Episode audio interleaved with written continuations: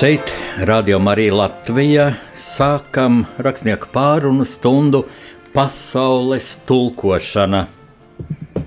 Lai slavēts Jēzus Kristus, mīļie klausītāji, ir jums atkal kopā Jānis Udris un studijas viesis. Un studijas viesis mums šodien ir Eiropas parlamenta deputāts Ivars Ijaps. E, sveicu, Ivars! Sveicināti, studijā. paldies par uzaicinājumu! Un tikko pirms mēs nācām studijā, es uzzināju tādu interesantu faktu, e, ka tava mamma ir strādājusi šeit, Katoļu ģimnāzijā, par pedagoģiju. Ja? Jā, nu, mana mamma, kuru es ļoti mīlu, ir uh, viens no tiem cilvēkiem, kas arī ļoti cienījumā vecumā nevar iztikt bez darba. Ne? Nevis tāpēc, ka nu, tur tikai tā materiālā vajadzība, bet arī tas, ka ir pierasts un ka vajag strādāt. Un viņa strādāja kādu mirkli, mācīja angļu valodu katoļu ģimnāzijā, tepat tās blakus mājā. Jā, jā. Nu jā, un agrāk jau katoļu ģimnāzija bija šajā vecā, jā, kā arī tā, tā kā jā, tev, jā, jā. tev vajadzētu kaut kur ģenētiski justies kā mājās. Tā kā vēlreiz sveicu, sveicu Eiropas parlamentā deputāti Ivar. Mani interesē tāda, nu, tāda ļoti cilvēciska izjūta, kā Latvija izskatās no Eiropas parlamenta sēžu zāles. Jo tur ir pārstāvēts daudzas valstis, dažādas mentalitātes, dažādas kultūras, ko vieno kopīgās intereses un Eiropas Savienība. Latvija izskatās labi. Tajā nozīmē, ka mēs esam līdztiesīgi Eiropas Savienības dalību valsts, un mums nav nekāda pamata krist kaut kādos mazvērtības kompleksos un teikt, ka mūsos neviens neklausās. Un es domāju, arī tie Eiropas parlamenta deputāti, kas mēs tur esam, nu, esam dzirdami un redzami. Un tādā ziņā es domāju, ka viss ir kārtībā. Cits jautājums ir, cik lielā mērā nu, mums tā politikas veidošana pašu mājās un Eiropā iet roku rokā rokā. Tur, protams, ir zināms nobīdes ik pa mirklim. Bet eh, kopumā es domāju, ka Latvijas dabiskā vieta ir Eiropā un Eiropas Savienībā. Līdz ar to es domāju, ka mēs esam, mēs esam labi. Jā. Vai varētu teikt tā, ka tur Briselē kur, kur, kur Latvijas intereses ir nu, jāatrod tādā optimālā saskaņā ar visu Eiropas Savienības interesēm. Un ne jau vienmēr tas automātiski vienkārši saskan. Ja, ka tur jums, mm, tiem Latvijas deputātiem, kas esat, ir jābūt vienotiem. Nu, protams, šajā sastāvā nu, ar, ar vienu izņēmumu. jā, jā, jā, jā, jā, jā, jā. jā. Nu, eh, teiksim tā. Eh, Latvijai eh, strateģiskos jautājumos septiņi no astoņiem deputātiem ir uh, samērā vienoti. Ar tādiem strateģiskiem jautājumiem domājam arī tās lietas, kas mums Latvijā ir zināmas. Pirmkārt, nu, pirm, tas ir Rail Baltica ne, kas šobrīd tiek celts un kas mums ir svarīgs. Ne jau tikai tāpēc, lai mēs varētu vizināties ar vilcienu uz, uz Tallinu. Tas ir vajadzīgs arī nu, gadījumā kaut kāda apdraudējuma apstākļos, lai te var ātri atgādāt mums palīdzību, gan cilvēkus, gan tehniku un tā tālāk. Tādi jautājumi kā lauksaimnieku tiešmaksājumi, kuri mums protams, aug, bet joprojām atpaliek no Rietuma Eiropas. Tādos jautājumos mēs esam diezgan vienoti un mēs koordinējamies. Bet, protams, mums ir jāmeklē partneri. Tajā nozīmē, ka nu, parlaments tomēr ir lieta, kur visu izšķir skaits un vairākums. Tas tādā ziņā demokrātija vispār ir diezgan tāda. Nu, nebūtu nevienmēr tik ļoti patīkama lieta, jo tur ir skaits galvenais. Līdz ar to mums ir jāmeklē dombiedri un sabiedrotie, kuri ir gatavi balsot kopā ar mums un runāt kopā ar mums par kaut kādām lietām. Tie sabiedrotie ir kā nu kurā jautājumā. Tur ir, protams, nu, Baltija pats par sevi, nu, tad Baltija un Polija pēdējā laikā tas ir tāds nu, bloks nepārprotam. Ir kaut kādas lietas, kur mums ļoti labi saskan. Es, piemēram, strādāju pats ikdienā ar tiem pētniecības un inovāciju naudu jautājumiem, un tur mums ļoti saskan ar rumāņiem, kas ir nu, arī viena no tām valstīm, kurai ir nu, šajā ziņā diezgan daudz vēl ko darīt. Ir kaut kādi citi jautājumi attiecībā uz Krieviju, protams, kur mēs diezgan bloķējamies nu, ar Poliju, bet arī ar Čehiju pēdējā laikā. Izsakot, nu, tur kā kurā jautājumā, bet strateģiskos jautājumos mēs esam vienoti. Jā. Jā, un kā tas saskan lūk, šeit ar Latvijā šo vietējo politiku saimnes lēmumiem, kur nu bieži ir ķīmiņu, ķī, ķīviņi un pozīcija un opozīcija un tā tālāk. Un, un, un, un tagad nu, viena no partijām ir ļoti dīvaina, kas ir ievēlēta. Bet, mm, varbūt pateikšu tūlīt, ja vienā no maniem raidījumiem bija ģenerālis Rēmons Graubs, un viņš man ļoti patīk, kā viņš teica, ka tagad šīs vēlēšanas viņš vērtē ļoti pozitīvi, jo tagad nav vairs kaut kāda izplūdes palēga bilde un jāzīmē huijas, huīna zezu, ja tā valodas likums, jā, jā, jā, jā. kas ir, kas vērtēts. Bet tagad ir balts un melns. Ja? Un mēs redzam, ka tiešām, kad ir viena šī grupa, kas ir īsti Latvijas, nu, es teiktu, nīdēji, ja? Arī vēlot saimnes spīkeru, ja? nu, tur arī parādījās, cik tur bija 11 balss, šī viena frakcija. Ja? Tad, nu, viņiem savs, savs kaut kāds pilnīgi ir reāls kaut, kaut kāds kandidāts, kas cilvēks, kas draud atjaunot okupantu pieminiektu un kaut ko tamlīdzīgu. Vai nav tā, ka tas jau kaut kur ir tik margināls kļuvis, ka var to neņemt vērā, bet pirms tur Eiropas parlamentā no viena dāma kura pēc ne jau es to izgudroju, tur iekļuva tādēļ, ka cilvēki tik daudz latviešu, Latvijas pilsoņu sēdēja mājās. Ja? Balsoja sēdēšana mājā un bija ļoti maz tas procents vajadzīgs, lai lūk, tādu odiozu personu iekļūtu, kas aicina aicina viesus no Latvijas, un tad ar plakātiem stāv un tur pret Latviju kaut kādas melas izplatīja. Nu, ir skaidrs, tas, ka Ždanoka pirms 24. februāra un Ždanoka pēc 24. februāra ir diezgan pamainījusies. Tāpēc, ka Uh, viņa ir sevi absolūti izslēgusi no jebkādas nopietnas darbības Eiropas parlamentā, jo viņa bija viens no tiem laikam kaut kādiem 11 deputātiem, kas marta sākumā nobalsoja pret to rezolūciju, kas nosoda Krievijas agresiju. Un tieši tāpēc viņi arī izmeta no tās zaļās frakcijas, kur viņi bija līdz šim, kas jau tā, tā jau tā frakcija pat par sevi bijusi vēsturiski diezgan kreisa, un viņi visu šo laiku tur bija bijusi. Bet nu, tagad šis solis laikam bija par daudz pat Eiropas zaļajiem. Līdz ar to viņi šobrīd ir nepiedaroši pie frakcijām, kas ir labi no Latvijas interešu viedokļa, tāpēc ka tad viņa nedabūna tribīnu, nedabūna kaut kādus svarīgus dokumentus, ar kuriem strādāt. Viņa, protams, ir deputāte joprojām šajā sasaukumā, bet uh, viņas ietekme ir būtiski mazinājusies. Nu, tagad, nākamajā sasaukumā, viņi vairs nevarēs kandidēt. Jā, jā nu, kā saka, bet tas, protams, ir mums visiem diezgan liels jautājums, kāpēc visus šos iepriekšējos sasaukumus cilvēks, kas principā visu savu dzīvi jau no 80. gadu beigām ir balstījis uz tādu izteiktu agresīvu opozīciju Latvijas valstī un Latvijas valstiskumam kā tādam, kāpēc šis cilvēks ir vesels četras reizes to Eiropas parlamenta mandātu dabūjis? Tas ir tomēr diezgan liels jautājums mums visiem. Es tā kad es pats pieminu šo vārdu vai dzirdu pieminam, es domāju, kā tas ir, vai šādiem tumsas spēkiem ir vērts veltīt tik daudz uh, uzmanību, un laikam jau tomēr ir, laikam jau tas ir mūsu pienākums, publisko personu pienākums, jo, mm, nu, lai parādītu to būtību, to tumsas būtību. Un tad man nāk prātā viens no pirmajiem jau su, atkal suverenās Latvijas gadiem, kad bija Francijas prezidents Mitterāns Latvijā valsts vizītē. Mūsu prezidents Guns Ulmans pēc tam man stāstīja, ka viņš, eh, es kā students klausījos, ko viņš saka. Un, un Mitrāns bija teicis, pat būdams sociālists, ja, viņš bija teicis, Gunti, tu zini, jums, latviešiem, ir desmit gadu laiks, lai sakārtotu attiecības ar krieviem. Citādi jums būs problēmas. Nu, tagad vēsture rāda, ka netika šie desmit gadi izmantot, ja problēmas turpinās. Un tad es domāju, kur ir tas pagrieziena punkts, vienreiz, kad mēs parādīsim, kā vajag būt Latvijā. Un man liekas, Izlabo lūdzu, ja, ja nepiekrīti, ka viens tāds ļoti būtisks pagrieziena punkts vai indikācija par pagriezienu bija šī okupantu pieminiekļa nogāšana. Tepat. Jo mēs nogāzām ne tikai stabu, bet arī savus šaubas. A, ko teiks Krievija? Nu, redzam, ka neko, nu, viņi kaut ko tur tiesā sūdzēs, ka nu, kaut kādas muļķības, kā viņi šajā gadā, kopš 24. februāra, nemitīgi kaut kādas muļķības runā. Jā, nu, es domāju, ka šādas simboliskas lietas ir ļoti svarīgas. Es arī pirms tam tiku vairāk kārt norādījis, ka nu, tas nav objekts, kuram Rīgas tādā pilsētvidē vispār ir kaut kāda vieta.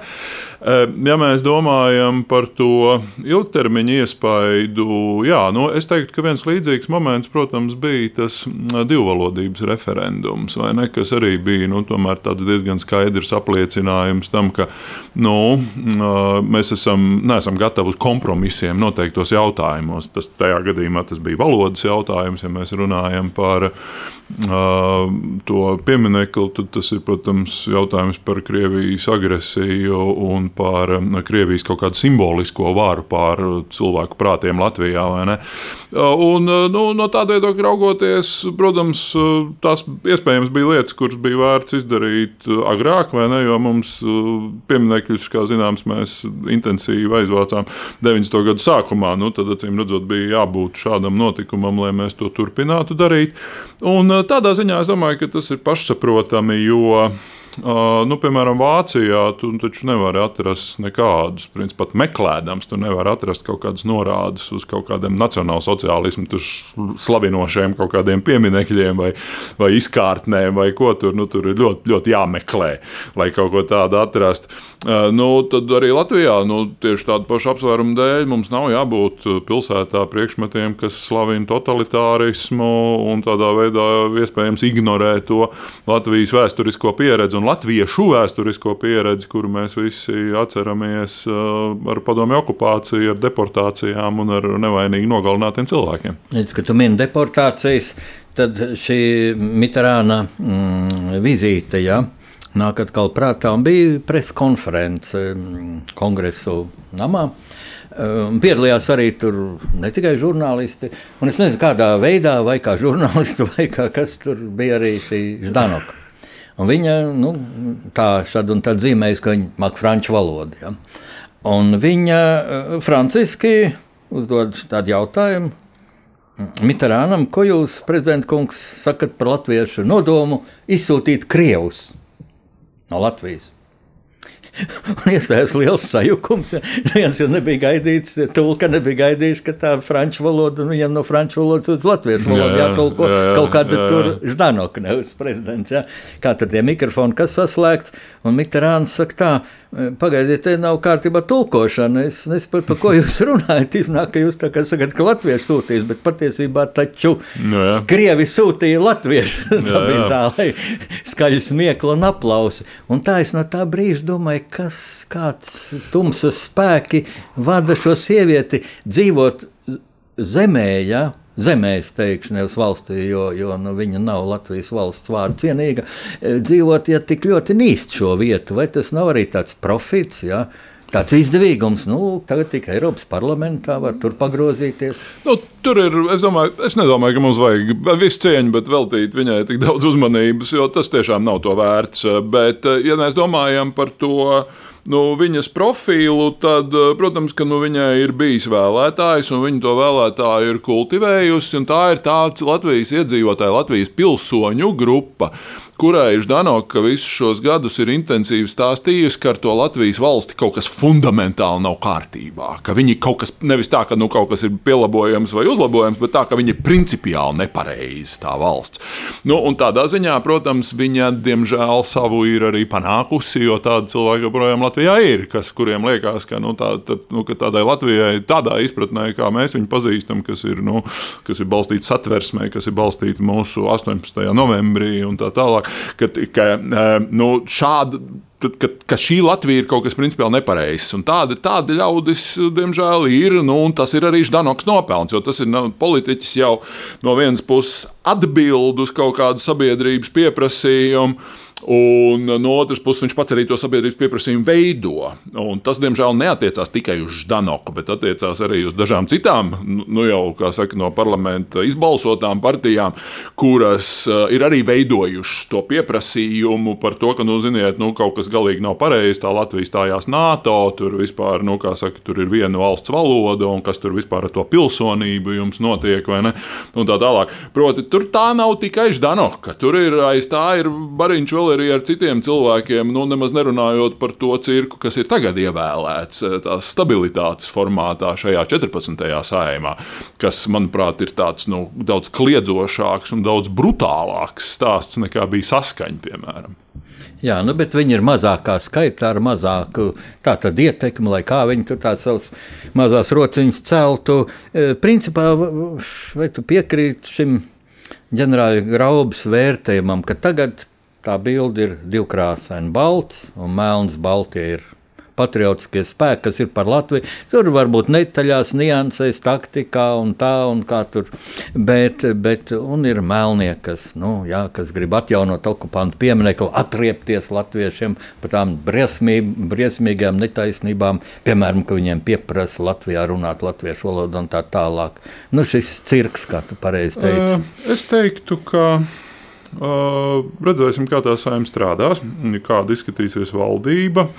Un tas politisko spēku dalījums tādā ziņā, es domāju, ka ir vesela virkne ar um, argumentiem, lai piekristu ģenerālim Graubēm. No otras puses, es domāju, ka nevienmēr tur es, man pilnīgi nav nekāda ilūzija par tiem ļaudīm, kas ir tajā Rostovas partijā, bet, ja mēs paraugamies piemēram uz pārējām partijām, tad mēs redzam, ka tur ir arī nu, ļoti, ļoti interesantas uh, figūras pārstāvētas. Es domāju, ka tur mēs vēl redzēsim šo to ne tikai no Roslīkova, bet arī no citiem politiskiem spēkiem. Un mums jau kā kristiešiem nevajadzētu aizmirst to, ka nu, patiesībā jau cilvēce, nu, tā robeža līnija starp labo un ļauno jau īstenībā nevienmēr iet starp kaut kādām cilvēku grupām. Šī robeža starp labo un ļauno ļoti bieži iet cauri konkrēti cilvēku sirdīm. Un tad mēs arī redzēsim tās izvēles, eh, kuras būs tam vai citam deputātam arī nenorosļikau partijas šajā saimā. Jo politika tādā ziņā ir publisks darbs, tur tu redzi visu, ne, kā kurš balso, ko kurš dara, ko kurš runā. Un, un tur es domāju, ka mēs vēl, vēl redzēsim, kas, kas notiks šajā saimā. Nu, šeit es gribētu muzikālo pauzi, jo te ir ko padomāt.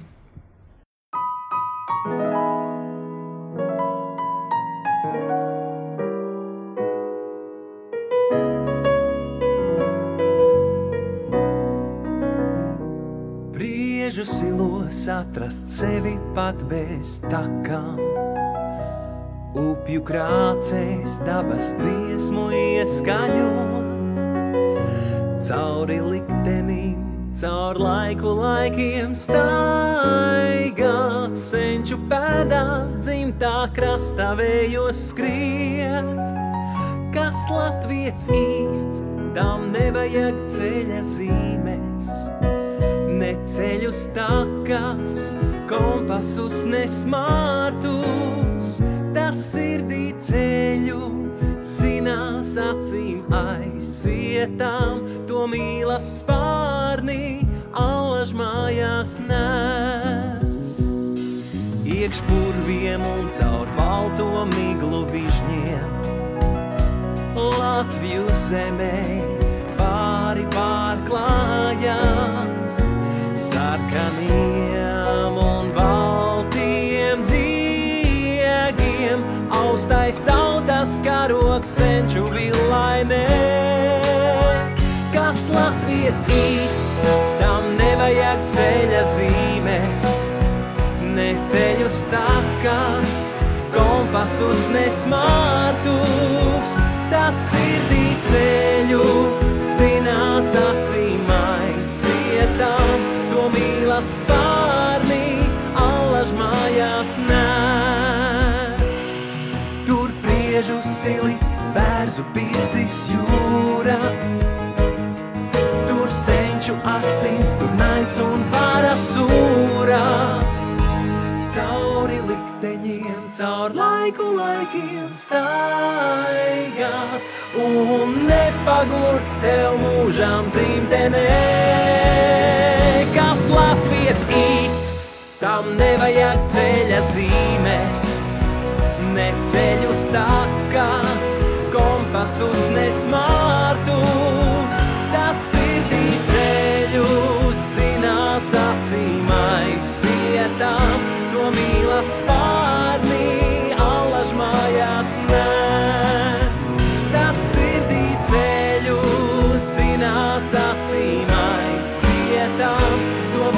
spārnī, allaž mājās nes, to mīlas spārnī.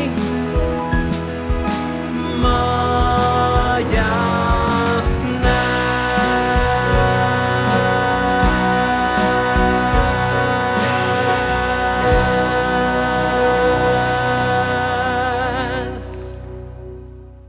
Skan radio Marija Latvija, šī rakstnieku pārunu stunda pasaules tulkošana.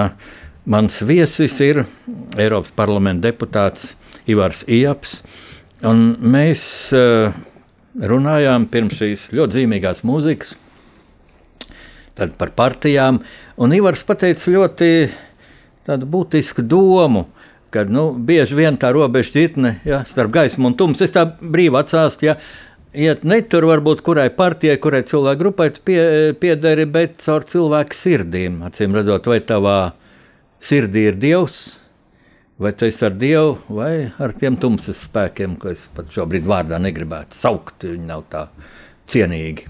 E, un man tāds interesants fakts nāk prātā, kad ievēlēja Ivaru Ijabu Tas bija no mm, partijas eh, attīstībai par saraksta, bet tu, Ivars Ieps, nebija šīs partijas biedrs. Ja? Es to bija taču tā, ja es to vērtētu ļoti pozitīvi, un es joprojām, nu, tas mans subjektīvs viedoklis, tā nu, skumstu par to, ka, nu, piemēram, tādu un tādu ministru, nu, teiksim, izglītības ministrija ir vienai šai partijai, un šai partijai ir jāieliek ministrs. Ja tās partijas nu, deputātu kopumā, es par saimnu runāju, ja, ja ir nu, tiešām brīnišķīgs pedagogs, Nu, paldies Dievam, bet ja nu nav, nu, nu kāpēc nepaņemt vai no citas frakcijas, vai kāpēc nepaņemt bezparteisko, ja Eiropas parlamentā var ievēlēt to brīdi bezparteisko? Un ko tagad šī praksa rāda? Šī var ieba pirmie darba gadi, jā, Eiropas parlamentā, vai nav vieglāk, nebija vieglāk strādāt pirmā sākumā? Mēs tagad diezgan strauji nolaižamies uz zemes. Uh, tur ir, uh, es, tas, starp citu, attiecās ne tikai uz uh, Ivaru Ijabu, bet uz arī pašreizējo saimu. Tajā nozīmē, ka tur ir arī vesela virkne. Piemēram, mans uh, labs kolēģis, politologs Andris Sprūts, kurš ir uh, ievēlēts no progresīvo saraksta. Viņš ir nu, arī, cik es zinu, līdz šim bezparteisks un nav partijas biedrs. Bet redz, kas ir pa lietu. Es varu pastāstīt to tehnisko niansi ka uh, mums ir bijuši Latvijā bezparteiski ministri. Kā mums ir bijuši pat bezparteisks premjerministrs, mums ir bijis vienu brīdi, Jā. kā mēs atceramies. Šķēli. Un, uh, šķēli tieši tā. Un, uh, tas pats par sevi, tas parteiskā piederība itin bieži ir nepieciešama tiem politiķiem, lai viņi varētu savām iniciatīvām dabūt atbalstu saimā. Respektīvi, tev ir nepieciešams, nu, ja ir ministri, uh, kuri strādā sarežģītās nozarēs. Nu, mēs tikko redzējām veselību, bet tikpat labi labklājību, tikpat labi izglītību, tikpat labi ekonomika, vai ne viss, kas saistās ar enerģētiku šobrīd, un tā tālāk. Un te skaidrs, ka tos ministrus uh, publiski daudz, un tas ir ok. Tas ir tā, vienā demokrātiskā valstī tā ir pilnīgi leģitīma lieta, ka uh, cilvēki izsaka savus arī kritiskus viedokļus par uh, to vai citu amatpersonu. Un tajā mirklī, uh, kad šāda kritika sākās, kas ir neizbēgami, uh, tad tev ir nepieciešama kaut kāda, kas to tavu kanti tur vai ne? Saimā šajā gadījumā. Un tā tad ir tā partija, pie kuras tu piederi. Līdz ar to var būt bezparteiski ministri, bet eh, viņiem tas nevienmēr ir ļoti, ļoti sekmīgi, jo viņiem ir nepieciešams, lai viņus aizstāv un lai par viņiem kāds iestājas saimā. Tādā ziņā mums tā parlamentārā valsts tā ir organizēta, ka valdība ir atbildīga parlamentu priekšā. Un, ja tai valdībai kaut kas ir nepieciešams, tad saimai viņi ir jāatbalsta. Ne? Man kādreiz nāk prātā tā doma, nu, ņemsim premjerministru. Ja? Vai būtu tāda iespēja ja demokrātiskā valstī, ka premjerministru slavē pie tam parastie pilsoņi, nevis pielīdēji, ja, nevis kā pirms kara Latvijā, 30. gados mēs ja, vispār ne, nesauca par premjerministru vai valsts prezidentu, bet sauca par vadoni. un vadonis visu dara pareizi. Un tā ir savā romānā Lielā Kārļa testaments rakstu, ka šis vadonis, ja, pēc tam, kad ir Krievijas ultimāts 16. jūnijā, un, un viņš prasa sekretāram, ko darīt. Vadonis zina labāk. Un tas laikam ir briesmīgākās inkvizīcijas mokas. Tu zini labāk, bet tu nezini labāk. Dievs debesīs zina, kā vajadzēja. Un vēsture rāda, ka vajadzēja pretoties kaut diplomātiski, protestēt, kaut bļaut, kaut, kaut emigrēt. Es nezinu, ko, ko vēl darīt. Nu, jā, nu, katrā gadījumā neprasīt pensiju, kā saka, okupācijas varai. Un, ne, ko, jā, jā, jā, un jā. Nepara, neparakstīt Kirhenš, Maskavā sastādīto Kirhenšēnu valdību, ko Kirhenšēns pats vispār ir neapjēdz, kur viņš ir iekūlies. Pilnīgi tajā ziņā atsaucoties uz to, ko tu saki, un arī uz tavu grāmatu, es domāju, ka.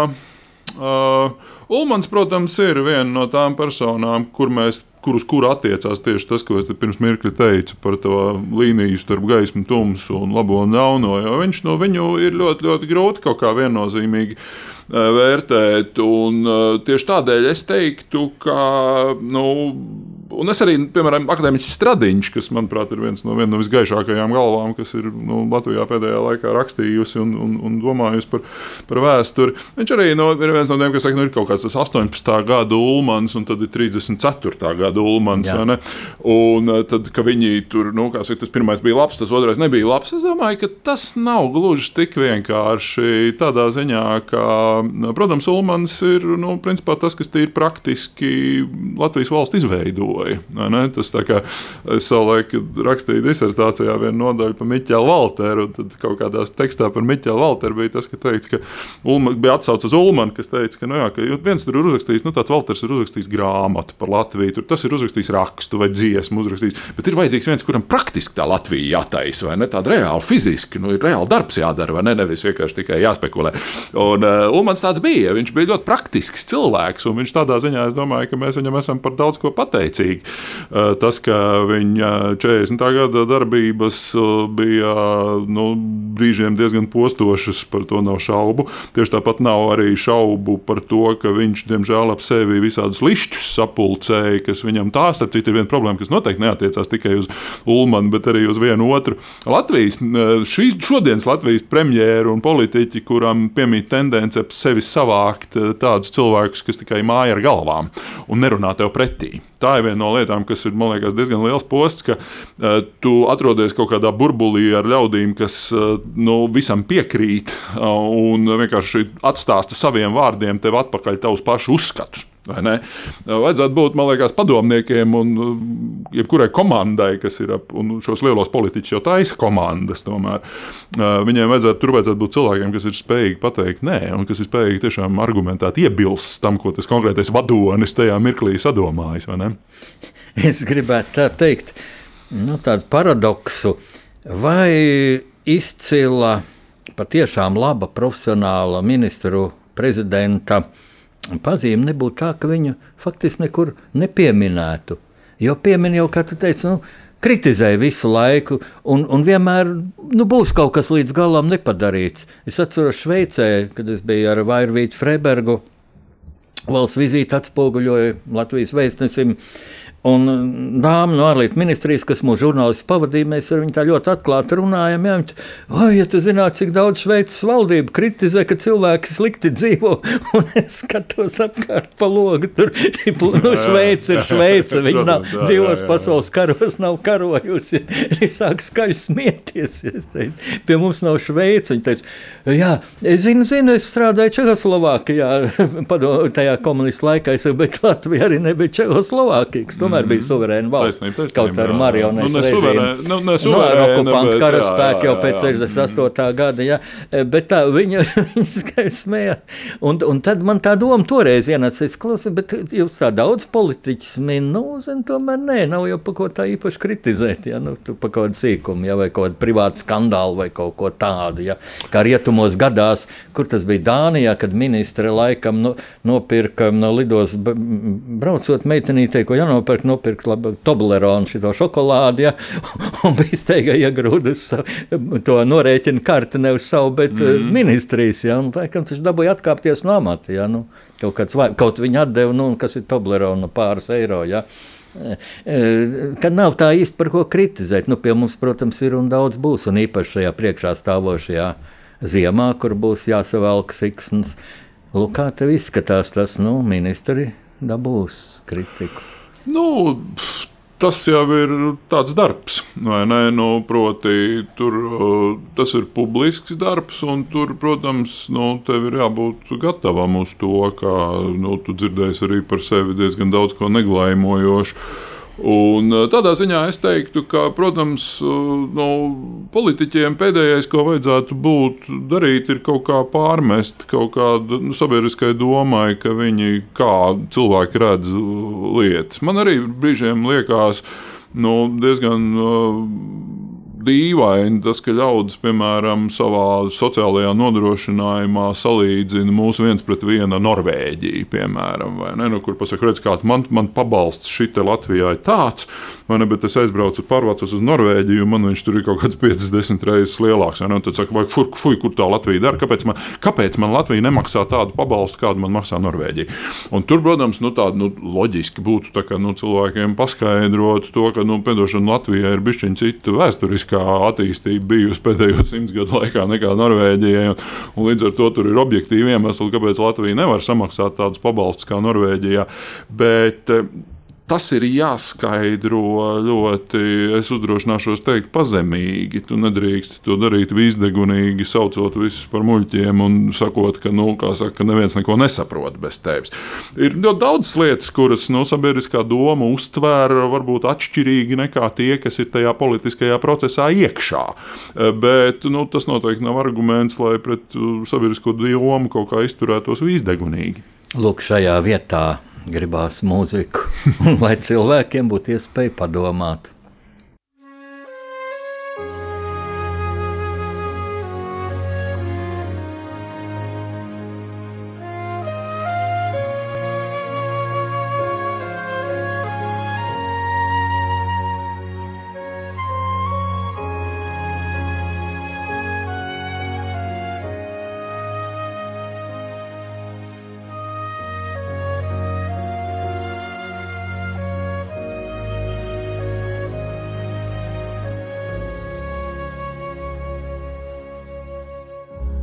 Sapnire sapnireceju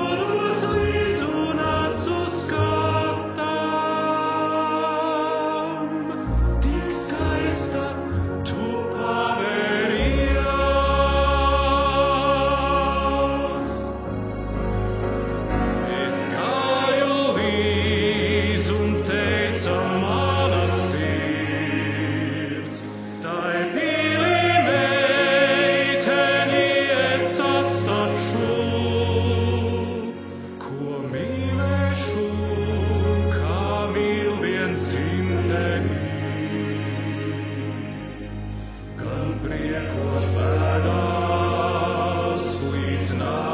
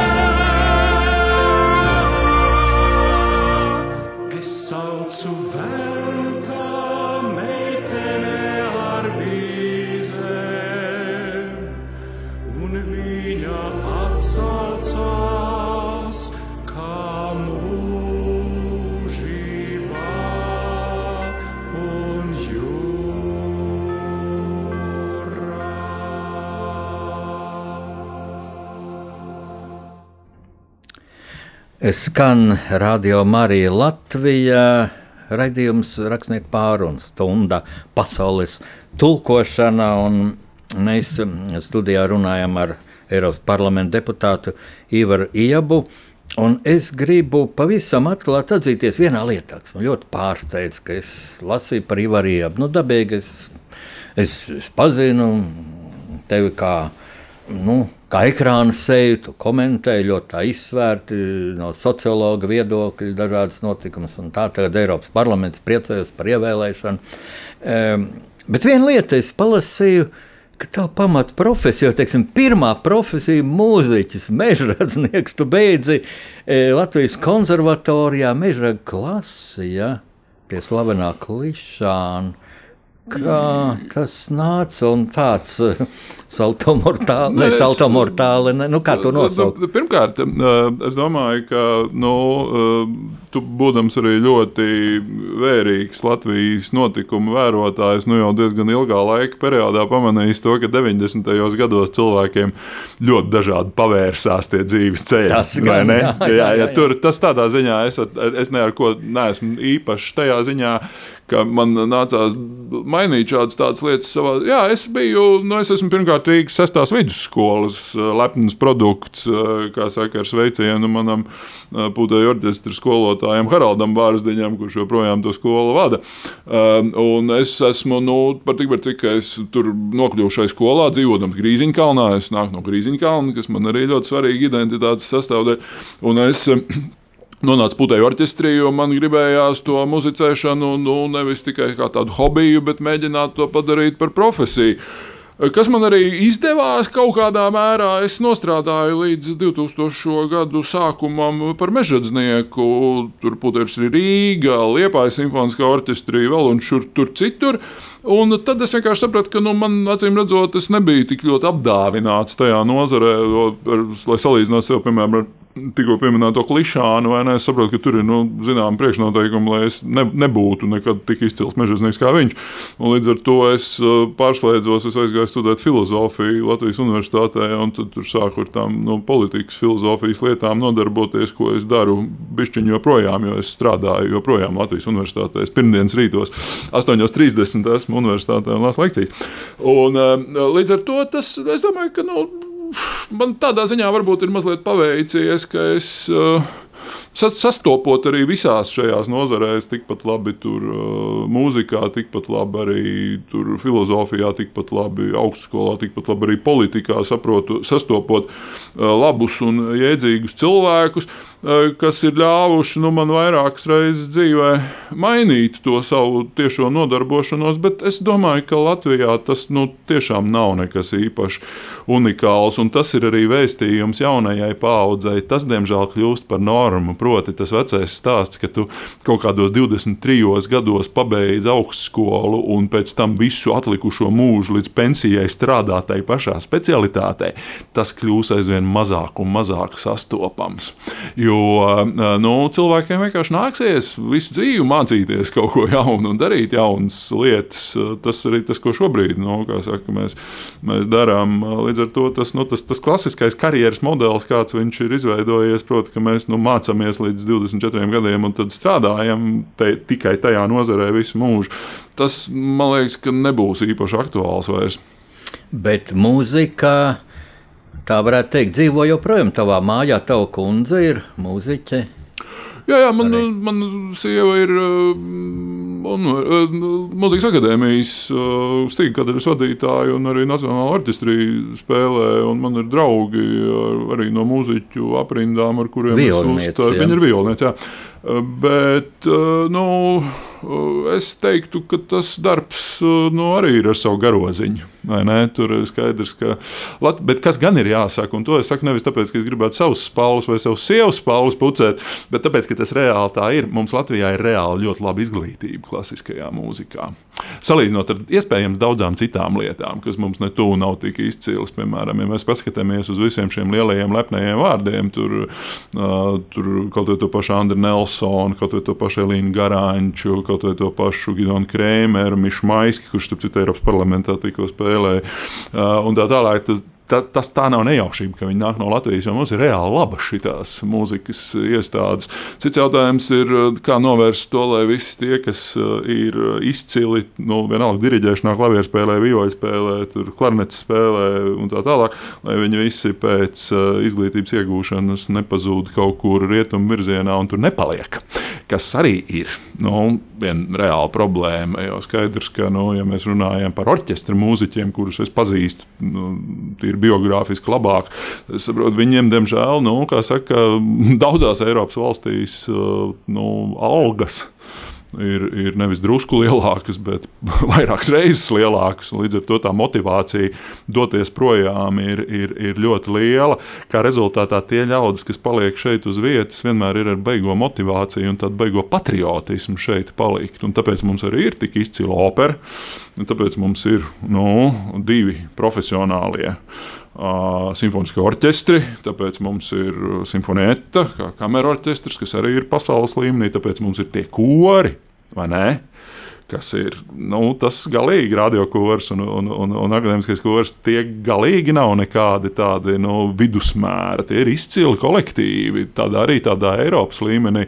Bet viņu darbs nu, no tādas Latvijas kopējās pozīcijas nevienmēr tiek pietiekoši atalgots un novērtēts. Redz, ka tu tā runā mājas un doties projām no mājām, tā man tā, dzima mm, jautājums, tāds ļoti cilvēcīgs, kā tas ir, ja darba vieta ir divās valstīs. Parasti cilvēki domā, ka Eiropas parlamenta deputāts ir tikai Briselē, bet es zinu, ka jums deputātiem ir arī katram deputātam savs birojs Rīgā, kas ļoti pareizi, jo tie, kas balsoja par deputātu, ja, konkrēti par Ivaru Iebu, nu, viņam kaut kas vai nu nepatīk pie tevis. Varbūt arī patīk, grib puķīt atnest. Varbūt grib kaut kādu ideju, kā Eiropu vajadzētu būvēt, un, un viņš ir pelnījis, lai viņu uzklausītu. Un tev arī tāds birojs, ja? kā tu sadali to laiku, cik esi Briselē, cik šeit? Nu, Kopumā tas darba režīms ir tāds, tā vidējā nedēļa ir tāda, ka nu, pirmdienas pēcpusdienā tu lido prom, un tad ceturtdienu vakarā tu esi atpakaļ. Tas nozīmē, ka uz vietas no darba dienām tu esi pirmdienu plus piekdienu šeit. Un, uh, tas, protams, nu, paņem visādas lietas, īpaši tad, ja vēl tu braukā pa reģioniem, jo tie vēlētāji jau nav tikai Rīgā. Tie pilsoņi, ar kuriem jārunājās, jau nav tikai Rīgā. Rīgā jau ir viss, kas notiek. Tur, man liekas, daudz svarīgāk ir bieži ir aizbraukt uz, uz kaut kādu tur, nezinu, pēdējā vieta, kur, kas nāk prātā, ir Krāslava vai ne, kur tev, lai tu tur deviņos varētu būt, tev jau kādos piecos ir jābūt pie stūres. Un, un tā, tā kā, jā, nu. Pats brauc pie stūres es pats braucu pie stūres, jā, jā, jā, man tādā ziņā nepienāk nav, nav kā šofērs. Cilvēki domā, ka deputātam ir karaliska dzīve, vai nav tā, ka tev pienāks deputāts un tikmēr var pašķirstīt kādas konspektiņas mašīnā, no, mašīnā kaut ko. Šito, man liekas, nevajadzētu pārspīlēt, jo tas nozīmē to, ka nu, tev ir. Nu, vai tu jūties tik ļoti svarīgs, vai ne, lai tu nevarētu pats tur nobraukt. Protams, tur jāiet, ja tev ir kaut kāds tur, nu, ļoti garš gabals jābrauc, tad es zinu, ka saimnes deputāti to dara, tad viņi ņem tos šoferus. Bet, bet Eiropas parlamenta deputātiem Latvijā nav nekādu šoferu, un viņiem arī nevajag. Nu, viņi, protams, var, ja viņi grib tur kaut kādu, kādu tur, nu, kā saka, algotu, bet, bet es domāju, ka tas nav īpaši gudri. Eh, bet eh, kopā jā, tas ir specifisks darbs, jo nu, tas nozīmē, ka tu mājās esi ņemot kaut kādas 3-4 dienas nedēļā. Bet nu, nu, būtu muļķīgi iedomāties, ka tas ir kaut kas šausmīgi neiedomājams. Man, piemēram, vienam draugam, māsas vīram, ir, viņš ir braucis uz tālbraucēju ne pa Eiropu. Nu, salīdzinot zini, ar šitādām profesijām, protams, ka tas Eiropas parlamenta darbs ir, ir ļoti vienkāršs un viegls, jo tas cilvēks ir projām. Nu, saka, stipri ilgāk brīžiem no mājas, un viņam arī tas ikdienas darbs ir fiziski krietni smagāks. Tur nu, sūdzēties par šito, es domāju, ka nebūtu galīgi vietā. Tāda um, uh, avio reizes, Brisele, Rīga, Rīga, Brisele. Tas ir tā kā vienam rīzniekam tramvaju līniju. Apmēram, jā, jā. Nu, piekam, tas jau arī īstenībā, paldies Dievam, ka mums tagad pēc Covid bišķiņa tā satiksme ir atjaunojusies, jo Covid laikā bija diezgan traki, jo tad nebija, piemēram, reizes uz Briseli vispār, un tad bija jālido uz Amsterdamu, un tad no turienes jākratās ar vilcienu. Ar vilcienu. Un tā, un tas bija bišķiņ sarežģītāk, bet, starp citu, es, kā saka, kā lepns patriotisks rīdzinieks, nu, tomēr gribu pateikt, ka nu, Rīga ir labi savienota ar eh, Eiropu kopumā, salīdzinot ar Viņu un Tallinu. Jo man ir lietuvieši un igauņu kolēģi eh, kas arī mm, tur šo darbu veids, viņi ir eh, itin bieži krietni lielākās grūtībās, viņi lido caur Helsinkiem vai caur Rīgu vai, vai, kā, vai caur Varšavu. Mēs varam būt diezgan apmierināti ar tie, to savienojamību, kas ir Rīgas lidostai. Man bieži tā doma, kas gluži ar Eiropas parlamentu vairs nav saistīta, bet vienkārši es tā neizprotu, kad mūsu, man liekas, turismu biznesā bieži neizmanto šo mūsu geogrāfisko stāvokli Baltijas centrā un, piemēram, lozungu, tādu reklāmas lozungu, ja Rīga vārti uz Baltiju. Bieži Rīga, nu, vārtu uz Latviju, bet tas viss Baltiju, jo taču daudzi lido, ielido Rīgā un tālāk uz Viļņu vai Tallinu. Ja? Varbūt tāda ideja dara arī mūsu deputātiem nu, Briselē, kaut kur tā pabīdīt. Jā, jā, jā, jā. Ja mēs domājam par uh, to Rīgas starptautisko atpazīstamību, tīri objektīvi, tev ir pilnīgi taisnība, jo Rīga ir lielākā pilsēta un dabīgi, ka mums ir arī tas, ka mēs esam centrā, tas dod zinām priekšrocību, jo, nu, ja tu, piemēram, taisi vaļā kaut kādu Baltijas atzaru kādam uzņēmumam, tad ir loģiski to centru izvietot Rīgā, jo tad tev ir uz abām pusēm ir attiecīgi gandrīz vienāds attālums, proti, līdz viņai Viļņai un, un Tallinai. Bet eh, nelaime tā, ka iepriekšējās Rīgas domas vadības laikā mm, kad eh, nu, par to netika īpaši domāts. Rīga tās savas pozīcijas ir zaudējusi. Es nezinu, vai dzirdēts tas, ka arī tīri pēc iedzīvotāju skaita ziņā mums viņi ir aizgājis priekšā. Jā, jā, jā, jā, jā, jā, un tur ir tas stāsts, ka mēs, nu, protams, tur ir jautājums par aglomerāciju. Jo skaidrs, ka rīznieki ļoti bieži nedzīvo pašā Rīgā, bet dzīvo ārpus Rīgas un, un vienkārši te strādā. Bet viņa attīstās krietni, krietni labāk pēdējo desmit gadu laikā. Un mums par šito Baltijas centra lomu mums vēl nāksies pacīnīties.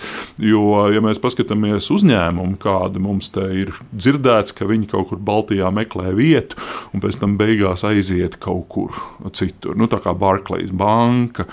Vai šis pats Booking.com, tas, kurā tu tās viesnīcas tur pasūti un tā tālāk, viņi ir aizgājuši uz Viļņu. Ne, kas ir diezgan švaki Rīgā. Jo skaidrs, ka mums arī vajag investīcijas, mums arī vajag, lai mūsu tautsēmniecība attīstītos. Un Rīga, atšķirībā no uh, Igaunijas un Lietuvas Rīga ir vienīgā tāda nu, lielā pilsēta. Viņiem ir, Igauniem tomēr ir kaut kāda konkurence starp Tallinu un Tartu, vai ne? Tā kā Lietuviešiem starp Viņu un Kaunu.